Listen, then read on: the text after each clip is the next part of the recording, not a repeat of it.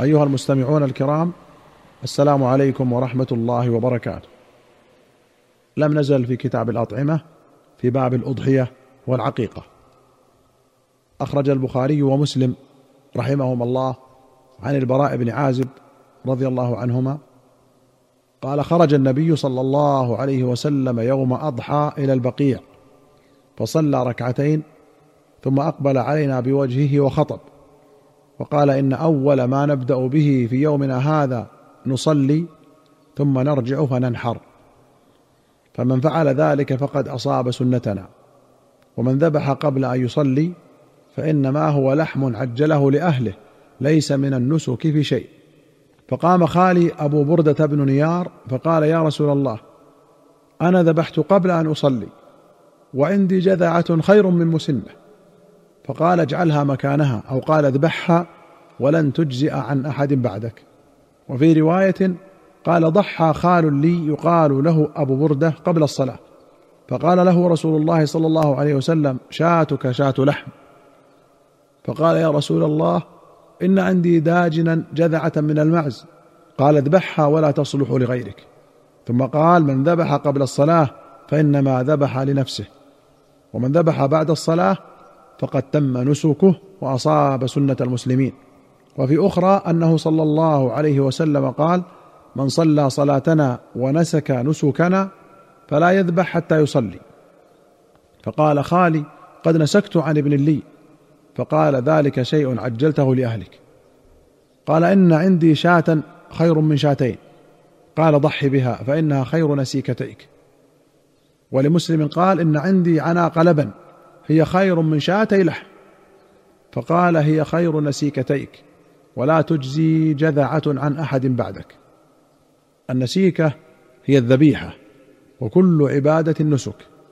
فالذبح نسك والصلاة نسك والصيام نسك. وفي حديث الحارث بن حاطب عهد إلينا رسول الله صلى الله عليه وسلم أن ننسك لرؤيته أي نصوم لرؤية الهلال. وأخرج البخاري ومسلم عن جندب بن عبد الله رضي الله عنه قال شهدت الأضحى يوم النحر مع رسول الله صلى الله عليه وسلم فلم يعد أن صلى وفرغ من صلاته وسلم فإذا هو يرى لحم أضاحي قد ذبحت قبل أن يفرغ من صلاته فقال من كان ذبح قبل أن يصلي أو نصلي فليذبح مكانها أخرى ومن لم يذبح فليذبح بسم الله. الأضحى جمع أضحاه وهي لغة في الأضحية كارطى وأرطاه. وبها سمي عيد الأضحى أي عيد الأضاحي.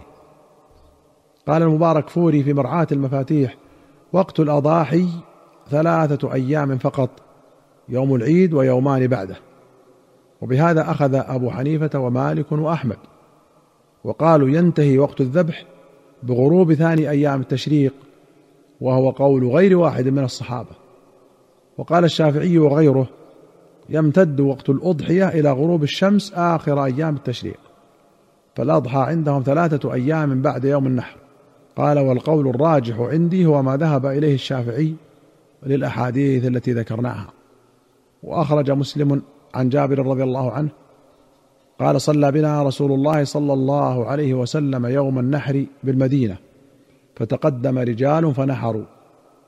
فظنوا أن النبي صلى الله عليه وسلم قد نحر. فأمر النبي صلى الله عليه وسلم من كان نحر قبله أن يعيد بنحر آخر ولا ينحر حتى ينحر النبي صلى الله عليه وسلم.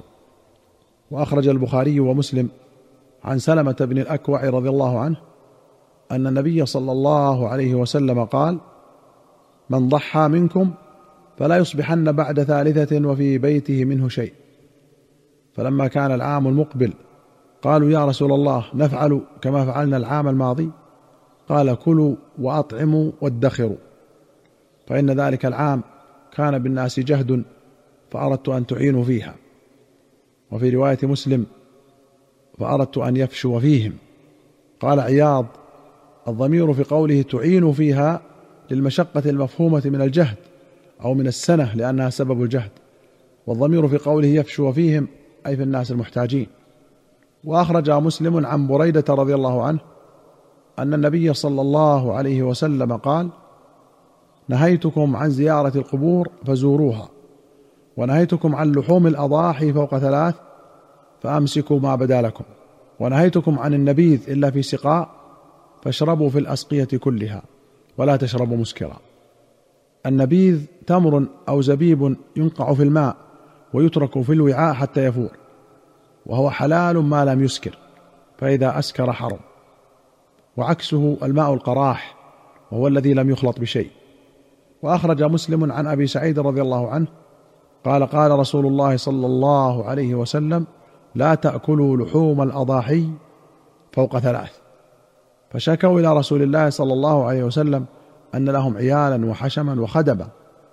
فقال كلوا وأطعموا وادخروا أو قال احبسوا أو قال واحبسوا شك الراوي.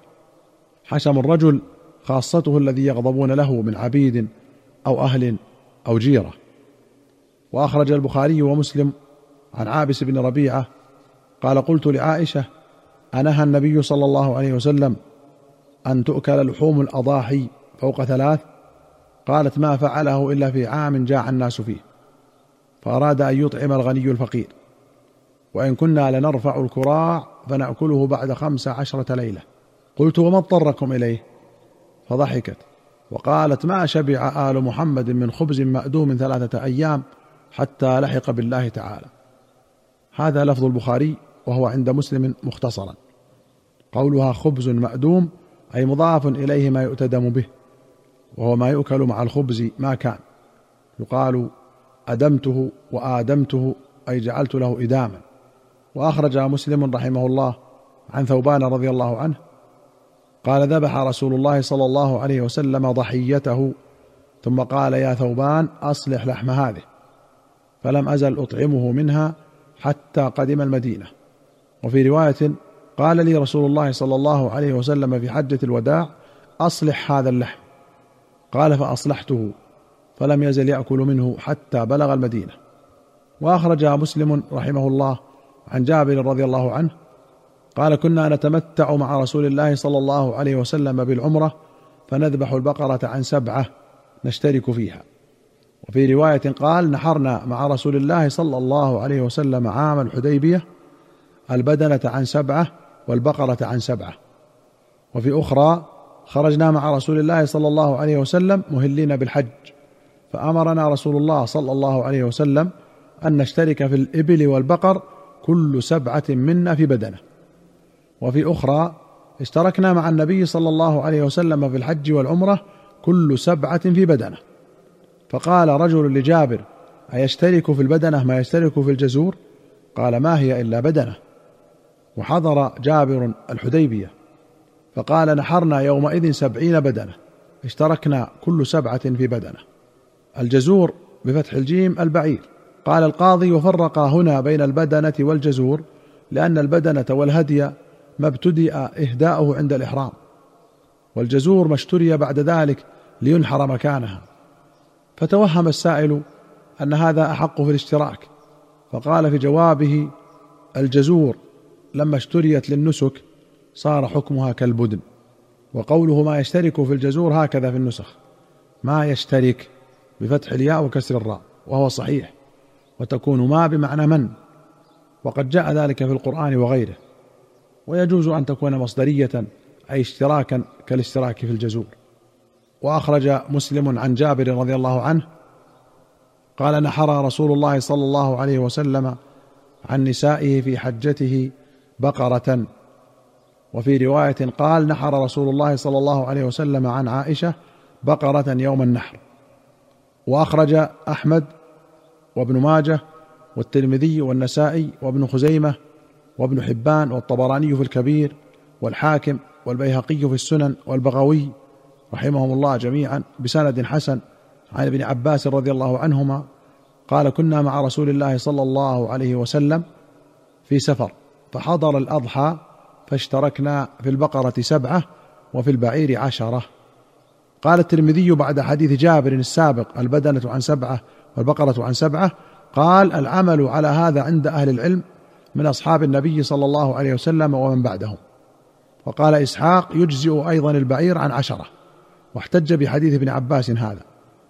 وقال الحافظ في الفتح الذي يتحرر في هذا أن البعير بسبعة ما لم يعرض عارض من نفاسة ونحوها. أيها المستمعون الكرام إلى هنا نأتي إلى نهاية هذه الحلقة. حتى نلقاكم في حلقة قادمة إن شاء الله. نستودعكم الله. والسلام عليكم ورحمة الله وبركاته.